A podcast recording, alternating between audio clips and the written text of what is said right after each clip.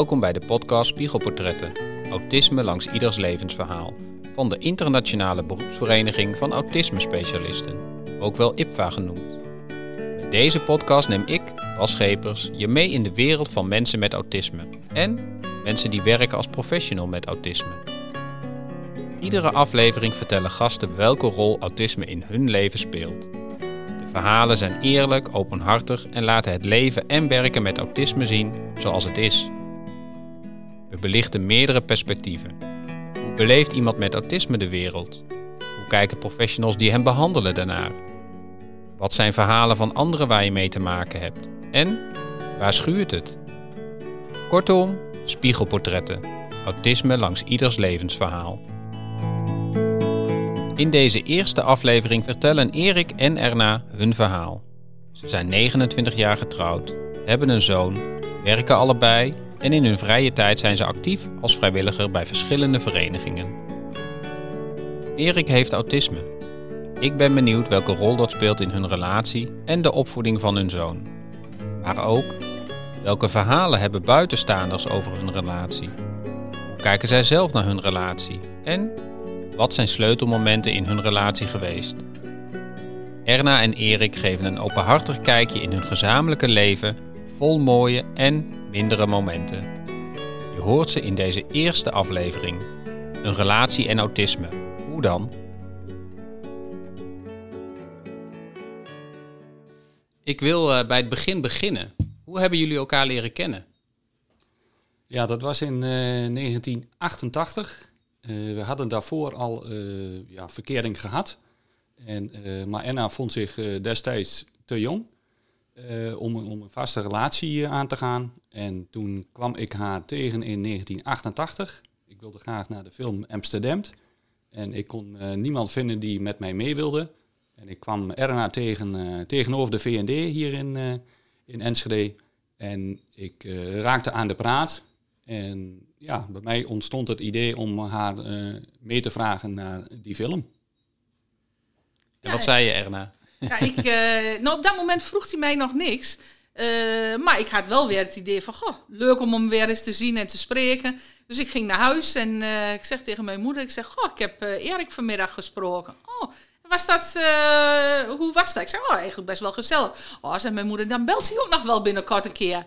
Nou, en volgens mij was het de volgende dag dat jij belde om te vragen of ik meer ging naar de film. En ik heb uiteraard ja gezegd. Ja. Want anders zaten we hier nu niet. Ja. Precies. En wat, wat vond je leuk aan Erik, Anna? Uh, wat ik heel, uh, heel vond en nog steeds vind, is vooral zijn rust. wat hij heeft, dat vind ik heel prettig. Ehm, zijn brede interesses. Kijk op de wereld. En, dat, uh, en ook uh, gevoel voor humor. En ook wat ik zelf ook heb en wat ik wist dat Erik dat ook had, was uh, ja, het plezier in reizen. Okay. Om de wereld verder te bekijken. Dus dat, dat was er toen al en dat is er eigenlijk nog steeds. Oké. En, en Erik, voor jou, wat vond je zo leuk aan Erna? Ehm, nou goed, ze, ze was bevriend met mijn, met mijn zus. En vandaar dus dat ik haar destijds leerde kennen. Ik vond het een, ja, hele leuke meid. En uh, heel, heel open, uh, ook, ook, sociaal, uh, ook, ja, emotioneel sterk, zeg maar, goed luisterend. En um, ja, gewoon een, een, prettige persoon. En net wat Anna zegt, ja, we hebben veel dezelfde interesses, maar ook een aantal verschillende interesses. waardoor we elkaar toch iets, ja, iets te vertellen hebben, zeg maar, als we van een activiteit weer, weer terugkomen. Ja, en inmiddels uh, 33 jaar samen, begreep ik hè? En ja. 29 jaar getrouwd. Ja.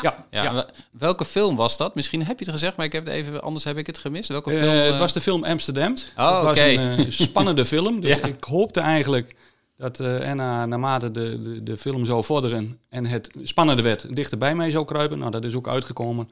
En ja, we zitten nog steeds uh, verliefd naast elkaar. En ik hou nog steeds niet van dat soort type films. Ah, oké. maar daar is wel de liefde opgebloeid bij uh, Amsterdam. Ja. ja. Um, Anna, wist jij toen, 1988, wat autisme was?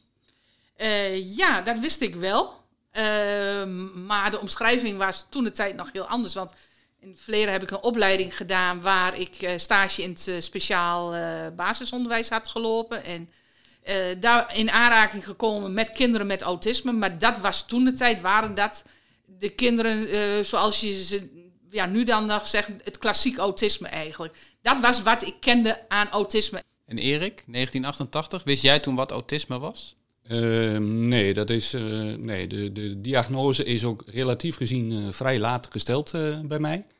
En, ehm, maar goed, inmiddels hadden we wel de, de nodige ervaring eh, met autisme opgedaan. Eh, dus toen was het eh, ja, niet vreemd dat daar bij mij ook de, de diagnose autisme gesteld werd. Ja. En ehm, nog even terug, 1988 tot nu, hè, 33 jaar samen, 29 jaar getrouwd. Wat is jullie geheim, Erna? Communicatie. Ja, en, en, en- Absoluut.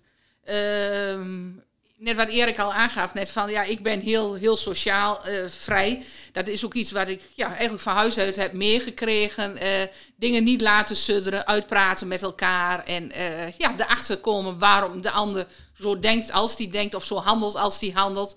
En nou, dat is in het begin ook best wel eh, is lastig geweest. Want Erik was van huis uit gewend om, van als je het er niet over hebt, dan is het er niet. Schuif maar onder, onder tapijt, zou ik haast zeggen. En daarvan heb ik van het begin af aan gezegd van, als wij eh, een goede relatie willen opbouwen, dan gaan wij dat niet op die manier doen. Dan gaat het wel hier gepraat worden. En dat zal soms lastig zijn en dat zal soms met discussies of met tranen gepaard gaan, maar dat hoort erbij. ja. Eh, Erik, eh, wat, Erna vertelt nu? Is ja, nee, dat, dat? eh, dat is absoluut waar. Ja, van huis uit niet gewend om te praten. En dat heeft eh Enna mij toch wel eh, ja, gedurende onze relatie eh, eh, leren doen. En dat is ook eh, ja, het feit dat wij, eh, ondanks mijn autisme, nog steeds eh, bij elkaar zijn. Maar communicatie blijft toch het, het sleutelwoord. Ja. Wat was het moment ehm, dat jullie ontdekten dat jij, Erik, autisme had? Weet je dat nog? Ehm, nou, exacte data weet ik niet. Daar is Enna meer van de, van de feitjes. Maar bij onze zoon was al autisme vastgesteld. En ehm, ja, zo is ook dat balletje gaan rollen. En heb ik op enig moment ook eh, ja, besloten om een, om een traject in te gaan. Om eh, met behulp van een eh, psycholoog. En eh, is ook de, deze diagnose eh, gesteld, zeg maar. Maar het was meer een bevestiging van hetgeen we eigenlijk al wel wisten. Oké, en, en Erna, nog even toch eh, een, een eh, fact-checker zoals dat heet. Weet jij nog welke datum of welk moment dat was? Nou, kijk, onze zoon staat eh, in groep 8. En die was al behoorlijk vastgelopen in het onderwijs. En het vermoeden was steeds meer dat daar autisme aan ten grondslag lag. Dus met hem het onderzoekstraject ingegaan. En gaandeweg het traject zei Erik al van... Goh, ik herken steeds meer van mijzelf. De dingen die nu benoemd worden in de vragenlijsten en dergelijke... die konden ook wel over mijzelf gaan. 2008 eh, heeft onze zoon een diagnose gekregen en Erik in 2009. Oké, en, en eh, Erna noemt Erik een aantal dingen van... God, die herken, herken jij of die herkende ik wel uit, mijn, eh, uit de vragenlijst... en misschien ook het gedrag van mijn zoon. Heb je daar een voorbeeld van? Nou, wat, wat, je typisch ziet is eh, dat mensen met autisme baat hebben bij rust, reinheid en regelmaat. En eh, ja, dat herkende ik duidelijk wel, eh, wel bij mijzelf. En eh, ja, ook het eh, angst voor het onbekende.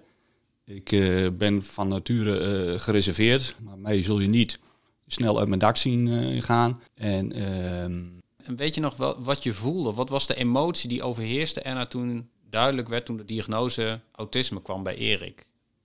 Nou, ik vond het vooral fijn voor hemzelf, want hij was met heel veel dingen in die tijd nog aan het worstelen bijvoorbeeld. Hij heeft zijn HBO-opleiding eh, niet afgemaakt en hij was telkens er nog weer mee bezig. Ja, maar voldoe ik wel? En ook daarover aan het nadenken van ja, misschien moet ik toch weer eens met een opleiding beginnen. Mede omdat hij eh, vond dat hij gefaald had in, in de oorspronkelijke opleiding.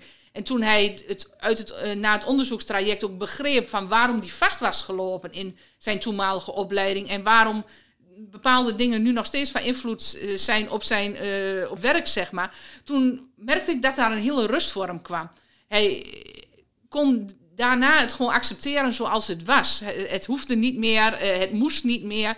En hij kon zich toen weer veel meer richten op van... Goh, maar wat vind ik nou eigenlijk een leuke baan? En Dus daar gelukkig weer veel meer mee bezig. De rust kwam er weer terug. Ja, en, en ik, ik hoor je eigenlijk ook zeggen... soms hebben mensen als je een diagnose krijgt, dan uh, is er verdriet of boosheid of frustratie. Dat hoor ik je niet zeggen.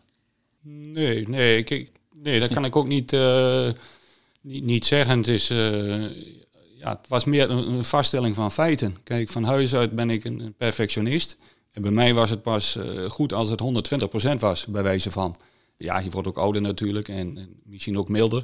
Maar ik merk toch bij mezelf dat uh, ja, 100% of, of zelfs 80% ook in, uh, in sommige gevallen voldoende is. En het hoeft niet altijd uh, perfect te zijn. Nee. Maar stel dat ik een hele dag met jou, met jou mee mag lopen.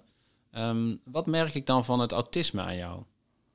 Ik, ik, ik denk vrij weinig. Ik, ik ben een hoogfunctionerend autist. Ehm, of ja men zegt dan, je bent geen autist, je hebt autisme. Je bent iemand met autisme. En ik denk in mijn dagelijkse werk, uh, zul je merken dat ik uh, ja, gefocust ben op uh, bepaalde zaken, mij niet, niet snel laat afleiden en ook probeer af te maken met waar ik mee bezig was. Dus niet, niet alles door elkaar laten lopen, dus echt gestructureerd werken. Ja. En, ja, en, ik, en ik hou ook van een overzichtelijke werkplek. ja. Dus dat uh, zou wellicht op kunnen vallen. Ja, dan was het leuk, want ik was wat eerder dan we hadden afgesproken. En toen deed er naar de deur open. En toen merkte ik in jullie communicatie dat je heel duidelijk inderdaad ook was van... Goh, ik, moet, ik heb een taak of ik heb een klus, die moet ik even afmaken. Dat wil ik ook, dus ik kom er zo aan. Dat, dat was voor mij al een herkenbaar voorbeeld misschien. Klopt ja, dat? Ja, nee, absoluut. Ja, absoluut. En Erna, wat, wat, wat merk jij van het autisme in jouw dagelijks leven? Nou, ik wil eerst nog even iets anders daar op, op, op aanhaken. Je, dus je zegt, wat, wat, wat merkt een, een, een buitenstaande zeg maar, van het autisme van Erik? Ik denk als alle randvoorwaarden goed zijn, dat, dat een buitenstaande, zeker als hij geen kennis van autisme heeft, daar ook absoluut niet snel die conclusie zal trekken bij Erik. Dat, maar, maar dat komt ook mede door het feit, hij gebruikt nu inmiddels een aantal jaren ook medicatie, waardoor die, uh, de overprikkeling waar die in eerdere jaren uh, last van had. Uh, en daardoor ook soms nou, best wel ongenuanceerd uit de hoek kon komen. Dat, dat, die factor is er nu helemaal niet meer. En dat, dus daarom denk ik dat een buitenstaander er vrij weinig van merkt. En, en Erna, je zegt al een buitenstaander. Nou ben jij denk ik de persoon die het ehm, dichtst bij Erik staat. Mm -hmm. Wat merk jij ervan in je dagelijks leven? Erik vindt het prettig als er een programma is. Dus als die weet van, goh, als we vakantie hebben of in het weekend van goh, wat gaan we doen, wat, uh, wat wordt er van mij verwacht, dat vindt hij uh, heel fijn. Hij houdt uh, niet van veranderingen. ik ben nog wel iemand van, van aanpakken en ik wil bijvoorbeeld hier in huis behoorlijk wat, nog wat klussen gedaan hebben. Nou, dat moet ik echt stap voor stap doen. Erik ook meenemen in het proces en niet de hele boel tegelijk op de kop willen zetten. Want één activiteit vraagt al heel veel van hem en kan heel veel onrust veroorzaken. En dat is uh, nou, iets heel simpels. Wij, uh, hebben uh, een paar maanden geleden hebben wij een, een, nieuwe kast gekregen van Ziggo om de, voor de televisiezenders. Met wat meer mogelijkheden, wat uitgebreider. En die heeft eerst ook een week in de doos gestaan. Want zo van, oh gut, wat gaat er gebeuren als we die kast gaan aansluiten? En toen sloten we die kast aan. En toen was het eerder doffe ellende. We hebben meer dan anderhalve week geen televisie kunnen kijken.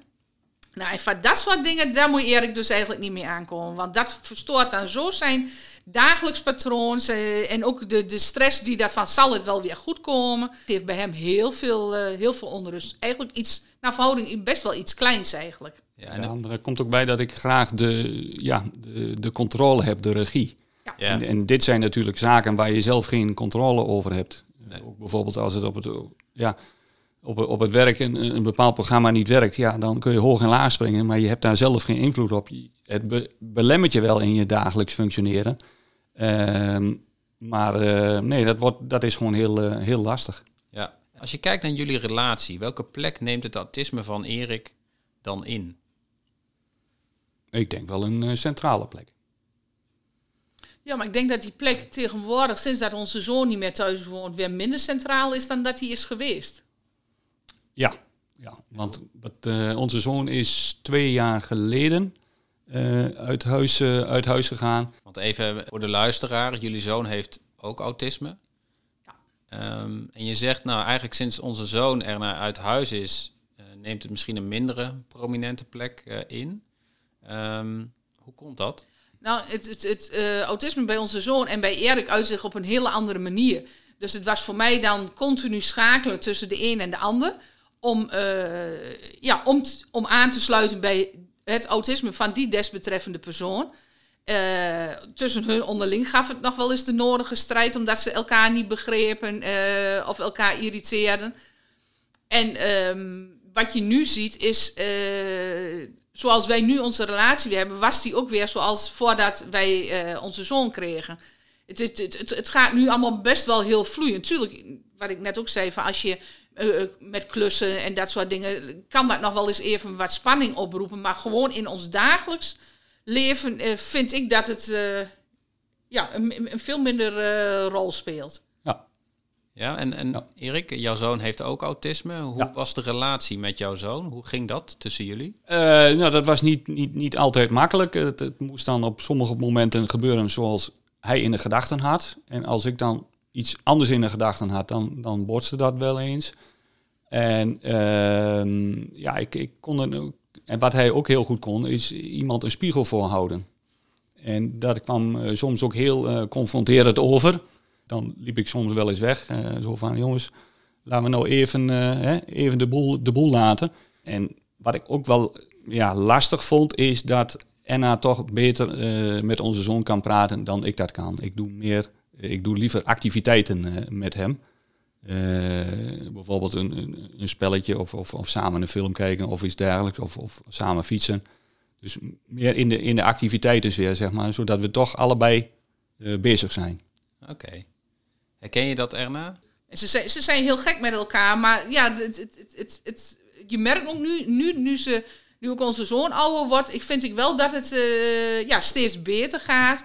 En ook omdat hij hier natuurlijk ook niet meer dagelijks is. Dus dat merk je ook heel duidelijk, dat verschil. Dat, eh, want ja, en hij had best wel een, een, een, toch wel een, een bepalende rol hier in huis. Ook omdat eh, ja, wij er ook voor, eh, voor wilden zorgen dat hij ook zijn opleiding af kon maken. En dat dat eh, ook allemaal go- goed verliep. Dus dat, eh, en wat Erik net aangaf over dat spiegelen. Daarin zie je dus ook het grote verschil wat al met de huidige generatie die naar verhouding al op jonge leeftijd de diagnose krijgt. Die eh, leren daar ook veel meer in. Die, die, die zie je stappen zetten die ja, iemand die op 40 of 50-jarige leeftijd zijn diagnose krijgt, niet meer kan zetten. Je kunt nog wel wat leren op die leeftijd, maar niet datgene wat die, de, de, de jongeren zeg maar, van nu allemaal leren. Oké, en ehm, stel dat Erik de diagnose eerder had gehad. Misschien in het begin bijvoorbeeld van jullie relatie. Had dat veel uitgemaakt? Ja, dat denk ik wel, maar ik weet niet of het daar beter van zou zijn geworden. Kijk, ehm, want dat heb ik ook wel eens met onze zoon over. Van, goh, had je het eerder willen weten? Ja. En eh, hij zegt altijd van, ja, maar als jullie het eerder geweten... als wij het met z'n allen eerder geweten had... waren jullie misschien ook dingen uit de weg gegaan... die we nu met elkaar aan zijn gegaan. En ik denk idem dito eh, in onze relatie. Want stel dat wij het toen al hadden geweten... weet ik niet of wij überhaupt kinderen hadden gekregen... of wij dat aan hadden gedurfd. Ja. Nee, ik denk dat het eh, ons dan eerder de keuze had, dat de relatie wel gebleven was, maar dat we dan gezegd hadden van nee, geen, geen kinderen en eh, dat we dan bijvoorbeeld veel meer zouden zijn gaan reizen. Ja, oké. Ja, En Erik, voor, voor jouzelf, had jij de diagnose eerder willen hebben? Ja, dat is, eh, dat is eigenlijk dubbel. Aan de ene kant denk je van, eh, ja, wat had het mij eh, gebracht als ik eerder die diagnose had eh, gehad? En ehm, ja, nu was het nog meer van, ja, waarom gebeuren bepaalde dingen? Ja, dat is onbekend. En als ik eerder die diagnose had gehad, dan had ik het misschien kunnen... Oh, dat komt door mijn autisme. Ja, dat, eh, zo is dat nu eenmaal. En ehm, ja, ik, ik weet niet of het daar het, het leven anders door zou zijn geworden. Nee.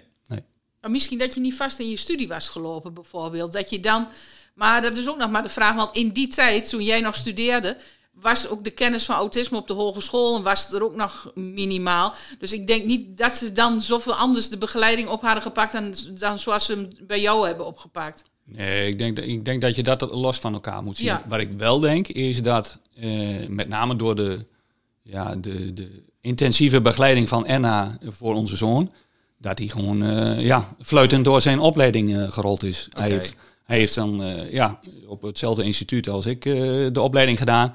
En ik ben gewoon apetrots dat het hem wel gelukt is in die vier jaar. Eh, ik heb er zelf ook vier jaar doorgebracht. Alleen ja, dat was twee keer in het eerste jaar en twee keer in het tweede jaar. En toen moest je van school af. En eh, ja, dat vind ik wel mooi. Dat, en dat zie je ook, en dat hebben we ook wel in andere situaties gezien. Dat eh, ja, de begeleiding van iemand met autisme, dat dat heel veel eh, met iemand kan doen. Je sprak, maar je zag aan alles dat je trots bent op je zoon dat hij zijn eh, diploma heeft eh, gehaald. Absoluut. Ja, absoluut. En ik weet in onze kennismaking hebben jullie het allebei al, eh, al aangegeven. Ehm, Erik, stel je hebt ruzie of een strijdje met Erna. Ehm, gebruik jij wel eens het excuus van ja, dat komt door mijn autisme, wat je net zelf zei? Ja, ja. Dat, ik, ik wil niet te zeggen te pas en te onpas. Maar soms dan heb ik wel zoiets van, ja, kan dat dan? En dan probeer ik dan na de hand wel bij mezelf eh, te raden te gaan. En ehm, ja, wat, wat had ik anders kunnen doen? Eh, en, en ja, soms kom ik dan ook wel tot andere inzichten. En dan bied ik ook netjes mijn, eh, mijn excuses aan. Ja. En, maar goed, aan de andere kant, als ik er overtuigd ben dat het ja, moet zoals ik het in mijn gedachten had, ja, dan, dan is dat ook zo. Word je daar wel eens eh, boos of eh, fr- gefrustreerd of geïrriteerd over als Erik zegt ja, dat komt door mijn autisme? Of Ehm, nou, meer in die zin van eh, dan boos op mezelf eigenlijk. Weet je, dat ik het zover heb laten komen dat ik dat bij hem opgeroepen heb in feite. Want kijk, ik weet heel goed hoe het bij hem werkt. En daar moet ik dan ook niet omheen gaan. En natuurlijk, ik vergeet het wel eens. Ook in mijn enthousiasme vergeet ik het wel eens. En dan baal ik gewoon van mezelf dat ik denk van, goh, weet je. Maar ook aan de andere kant denk ik ook wel eens van, ja, soms is het ook maar gewoon zo. En dan, ik, ik ben ook gewoon mens. Ik bedoel, ik, ik, wil, ik wil en ik kan er ook niet altijd eh, rekening mee houden. En, eh, en soms zoek ik ook bewust de confrontatie op om, om iets eh, te forceren. Om, om, om toch iets in gang te krijgen. En dan merk je dan bij Erik, dan moet je op dat moment moet ik erover stoppen. Maar dan hoor ik een paar dagen later of een paar weken later ineens. Dan denk ik, goh, volgens mij was dat toch mijn idee, of niet? Ja, eh, ja. ik hier nu eh, voorbij hoor komen. En dat is ook helemaal niet erg. Dan laat ik dat als het ware sudderen. Ja. En dan eh, komt het op een later moment komt het vanzelf weer terug. Want dat heeft ook, het heeft inweektijd soms nodig. En is dat, eh, want ik vroeg in het begin wat jullie geheim was, had je, hadden jullie het allebei over communiceren? Is dat iets wat je dan bewust inderdaad doet om dat gesprek of om het wel op tafel te krijgen, dat prikkelen, dat confronteren? Ja, doe ik, zet ik echt bewust in. Oké. Ja. En- Het en- is, is misschien gemeen, maar soms, eh, soms is dat nodig om, om ja, iets weer op gang te krijgen. Oké, ik, wil, ik wil nog even inzoomen op jullie relatie. Erik, wat zijn ehm, spannende momenten geweest in jullie relatie? Ehm, ja, allereerst de, de, ja, de geboorte van onze zoon. Dat, eh, kijk, je hoopt van tevoren dat iemand eh, hè, gezond en wel eh, ja, ter wereld komt. En ja, als dat dan ook daadwerkelijk zo is, dan, ja, dan ben je gewoon ja, heel blij. Ja, En ik denk dat zeker ook een, een heel bepalend eh, moment is geweest. eh, het overlijden van mijn schoonvader. eh, die, ja, ik wilde het voor hem toch heel, heel, heel goed doen. In relatie met, zijn, hè, met zijn dochter. in het huwelijk daarmee. En eh, ja, toen, toen hij overleed, ja, klinkt misschien dubbel, maar toen. Aan de ene kant was het toch een soort van bevrijding. Zodat ik hem niet, zeg maar, ja, moest plezieren om, om met zijn eh, dochter heel eh, ja, zo goed mogelijk te maken, zeg maar. herken je dat Anna, ook dat laatste? Ja, zeker. Mijn, mijn vader, eh, ja, had, kijk, ik, ik heb geen broers en zussen, dus mijn vader die had zoiets van, ja, mijn dochter moet, moet goed eh, terechtkomen. En mijn vader wist eigenlijk op een gegeven moment ook al wel dat hij niet oud zou worden. Onbewust wist hij dat. En die had zoiets van, ik moet wel zorgen dat, voor, voordat ik er niet meer ben, moet ik zorgen dat alles goed geregeld is. Ja, En dat is ook gelukt. Want wij zijn hier in, eh, in 2002 komen wonen. En in 2003 is die overleden. ja. Ik zie dat het je emotioneert als je het erover hebt. Dat klopt. En ben je er ook... ehm, het is eh, over een paar dagen is het ook inmiddels... ehm, even denken... eh 18 jaar geleden, hè? Ja. Ja. Ja. Dus dat... ehm, ja. En dat, het was voor Erik ook vaak een hele heel moeilijk. Ehm, de band die ik met mijn vader had, zo'n band had hij niet met, met, met, uh, met zijn ouders. En dat is dan ook wel eens heel lastig. En wij, wij zijn allemaal in de familie ja, mensen die behoorlijk open en direct communiceren. En met name die directe communicatie vond Erik ook heel, uh, heel lastig. Ook om in te schatten van, hey, hoe, hoe wordt dit nou bedoeld? Wat moet ik hier mee? Moet ik hier überhaupt iets mee? Ja, dat heeft hem uh, heel, veel, uh, heel veel energie gekost in die jaren. Ja. En wat, wat, wat gebeurt er dan tussen jullie als, als er als, bij spannende momenten? Het overlijden van, van jouw schoonvader, van jouw vader, of wat je vertelde, geboorte van je zoon. En misschien, Anna, heb jij ook nog wel um, gedachten of uh, uh, ideeën over spannende momenten. Wat gebeurt er dan tussen jullie? Dan moet ik in ieder geval zorgen dat ik uh, de regie hou. Dat ik het overzicht hou. Dat is heel belangrijk, want dat, dat merk ik dan op dat moment dat, dat het. als ik dat niet doe, dan heb, dan, ja, dan heb ik het gevoel dat me de, de boel tussen de vingers doorglipt. Ik heb, ik heb absoluut niet zoiets van dat ik controlebehoeftig ben, dat niet. Maar ik heb wel dan op dat moment van ogen van... hé, hey, maar volgens mij is dit voor alle betrokkenen het, het, uh, het meest uh, veilige scenario, zeg maar. En uh, ik schiet dan ook op dat moment niet snel in de stress. Ik heb daar achteraf dan meer last van. Als alles achter de rug is en uh, dan overzie ik alles nog eens. Ehm, maar dat zijn meestal dan de dingen buiten mij om. Dus net wat Erik aangaf, geboorte van onze zoon... overlijden van mijn vader, van Eriks ouders... Maar als ik uh, in de. Ik heb de afgelopen jaren ook best veel gezondheidsproblemen gehad. En dan vind je het juist eigenlijk heel fijn dat die ander die rol op zich neemt, die regie neemt. En, uh, en dat is wel, eens, uh, is wel eens lastig geweest. Ja, ja daar komt bij. Ik, ja, dat is ook bekend bij mensen met autisme, dat die niet een, een hoog ontwikkeld empathisch vermogen hebben.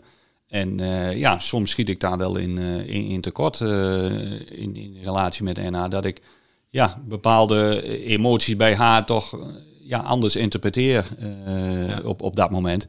En uh, ja, dat ik dan soms dingen doe of, of dingen zeg, ja, die dan, waar ik dan achteraf gezien wel, wel spijt van heb. En ik denk van, ja jongen, dan had je toch iets, uh, iets anders kunnen aanpakken. Ja. En, ehm, maar ja, dat, dat is dan eenmaal zo. Dat is... En is het dan zo, Erik, dat je dan inderdaad achteraf beseft van... Uh, goh, op dat moment had ik misschien wat regie kunnen nemen... of wat inlevingsvermogen kunnen laten... Uh, iets ja. ernaar kunnen laten ja, zien? absoluut. Of is dat op het moment zelf ook? Dat je het wel ziet, maar dat, je, dat het je niet lukt? Hoe ja, het, het, hangt ook een beetje van de situatie af. Uh, soms dan heb je dat wel en, en, in sommige gevallen ja, heb, heb je dat niet. dat is, ja... ik, ik vind het altijd situatie afhankelijk.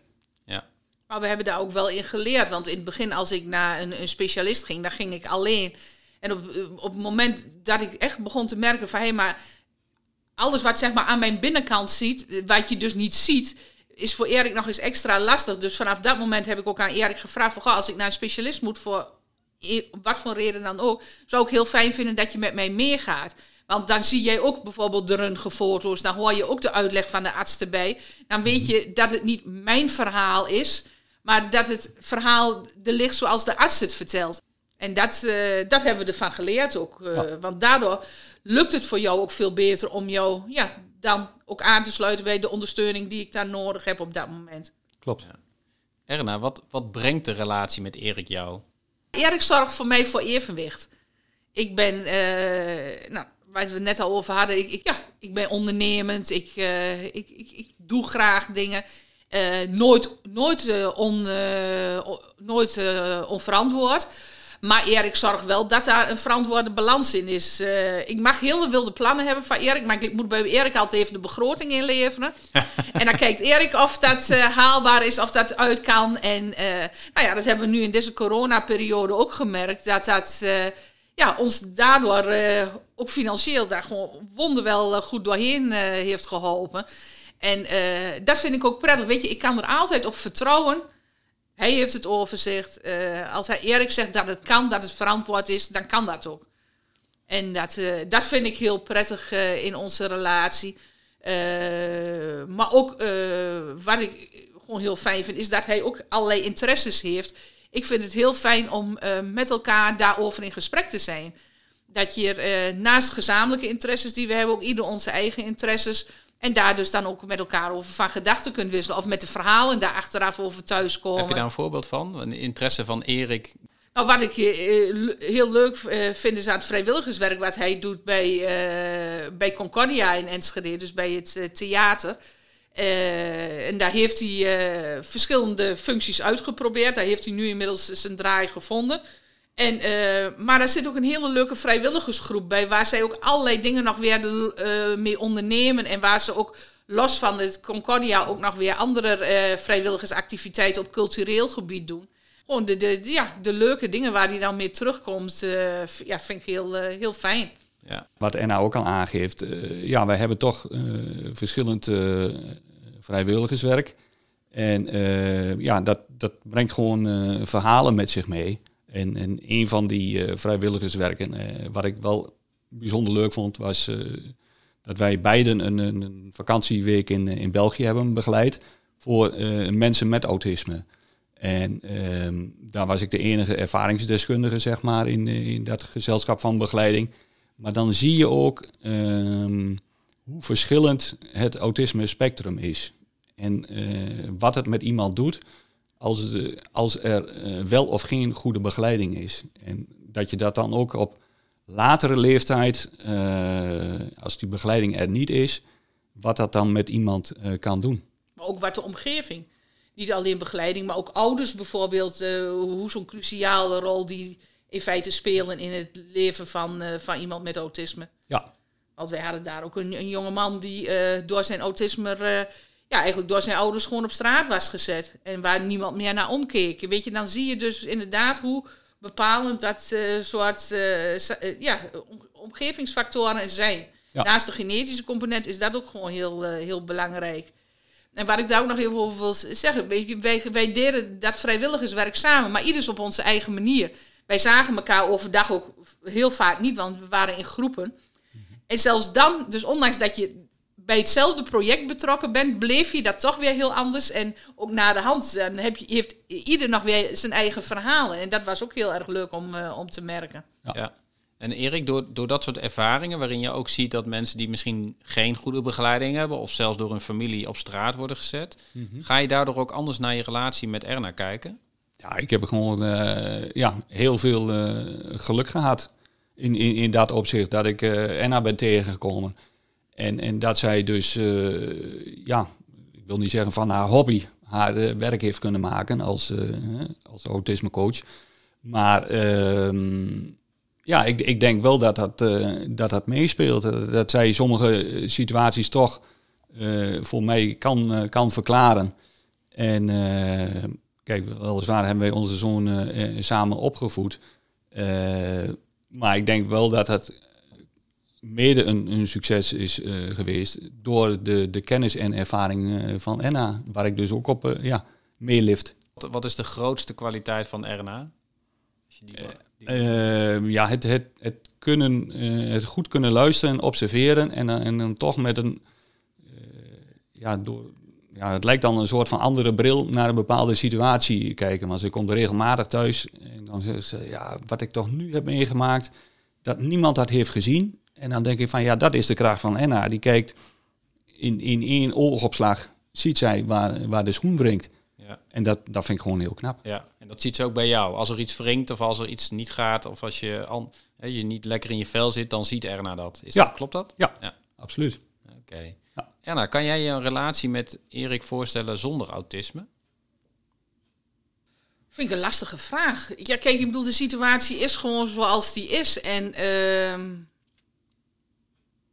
natuurlijk, hij zou op sommige punten zou die, zou die makkelijker geweest zijn. Maar uh, het overgrote deel van ons leven zoals wij dat leven, uh, zou niet anders geweest zijn.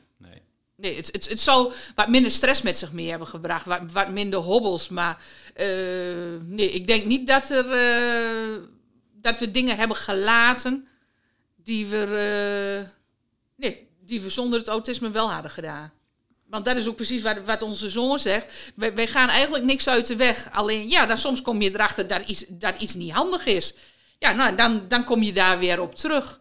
Ja, dat, zien, dat zien jullie dan meer als een leermoment. Ja, ja absoluut. Ja. Ja, iets, heel, iets wat, wat eigenlijk het laatste eh, jaar heeft gespeeld. We hebben een tijd lang erover gehad van... Goh, op een gegeven moment, zeker als onze zoon uit huis is... gaan we kleiner wonen, het liefst op een appartement. Zodat er ook niet meer zoveel stress is rondom het onderhoud van het huis. Al dat soort zaken. En eh, nou, de afgelopen periode kwamen wij eigenlijk tot inzicht van... hé, hey, maar dat is helemaal niet handig. Want als wij kleiner gaan wonen, betekent dat we veel te dicht op elkaar zitten... als we allebei thuiswerken bijvoorbeeld. Nou, daar heb, heb ik ongeveer een maand mee geworsteld met dat idee van... moet ik dat idee wat we eigenlijk al jaren hebben, moet ik dat los gaan laten... En wat betekent dat voor mij? En toen heb ik dat ook echt met, uh, met Erik besproken. Zo van, goh, volgens mij moeten we dit niet willen. Want ik denk dat we er op termijn toch niet gelukkig van worden. Nee. En was het je mee eens, Erik? Absoluut. Ja, absoluut. Want ik, uh, ja. ik had zoiets van, nou jongens, het, het, alleen al het inpakken van de zolder. Ja, als je veel ruimte hebt, dan uh, sla je ook veel spullen op natuurlijk. Maar alleen het, op, ja, dat... Het dat, opruimen alleen Ja, al, daar, daar werd ik al uh, bij wijze van panisch uh, van. Ja. Van jongens, dat... Uh, nee. En nu zitten we hier nog steeds in de mooie keuken. Zonnetje schijnt heerlijk naar binnen. Dus, Abs absoluut. Ja. ja. Hoe kijken familie, vrienden, kennissen naar jullie relatie? Hebben jullie daar een beeld bij, Erik? Dat vind ik een, een, lastige vraag. Ik denk dat we het... ja, degene die het weet dat, die, uh, dat ik autisme heb, dat die dat niet zien als een, als een probleem. Nee, denk het ook niet. De, dat je, wat, wat wij vaker terug horen vinden, dat ze, mensen het heel knap vinden van ons. Hoe we, uh, hoe we ons al die jaren staande hebben gehouden. Ook met alles wat er al op ons pad is gekomen. En ook, ja, ook best de, de zorgen die wij om, om ouders hebben gehad en dergelijke.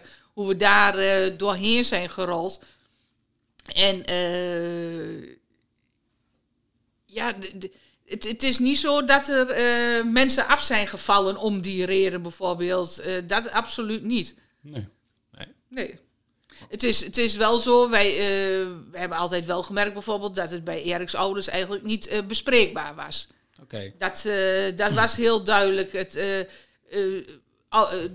Eriks ouders wisten dat nou, onze zoon de diagnose had, Erik de diagnose had en Eriks zus op een gegeven moment ook de diagnose kreeg. Dat is voor kennisgeving aangenomen en daar is nooit weer over gesproken.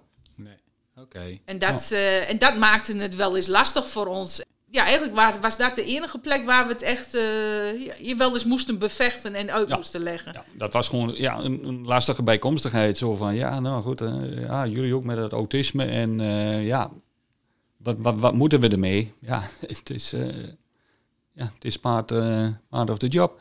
Ja, ik, voordat ik naar de laatste vraag ga, Erna, heb ik nog wel even een vraag aan jou. Jij bent ook autismecoach, dus jij uh, in jouw professie ben je ook bezig met uh, autisme en ook mm -hmm. begreep ik met gezinnen waar autisme ja. een rol speelt.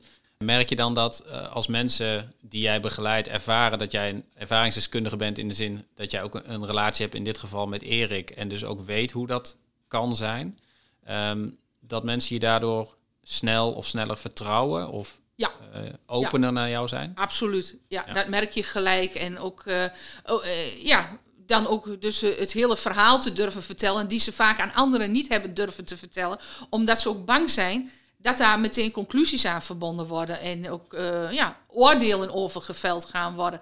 Ik ben heel vaak de eerste die het hele verhaal te horen krijgt. Oké. Okay. Nou, ik, ik kondig wel even aan. Ik ga toch even naar, ik, ik ga naar de laatste vraag. Um, Erik, stel dat je opnieuw mag beginnen. Dus het is weer 1988. je gaat naar de film Amsterdam en het, uh, de verliefdheid uh, is er weer. Um, wat zou je anders doen als je de relatie met Erna weer opnieuw mocht doen?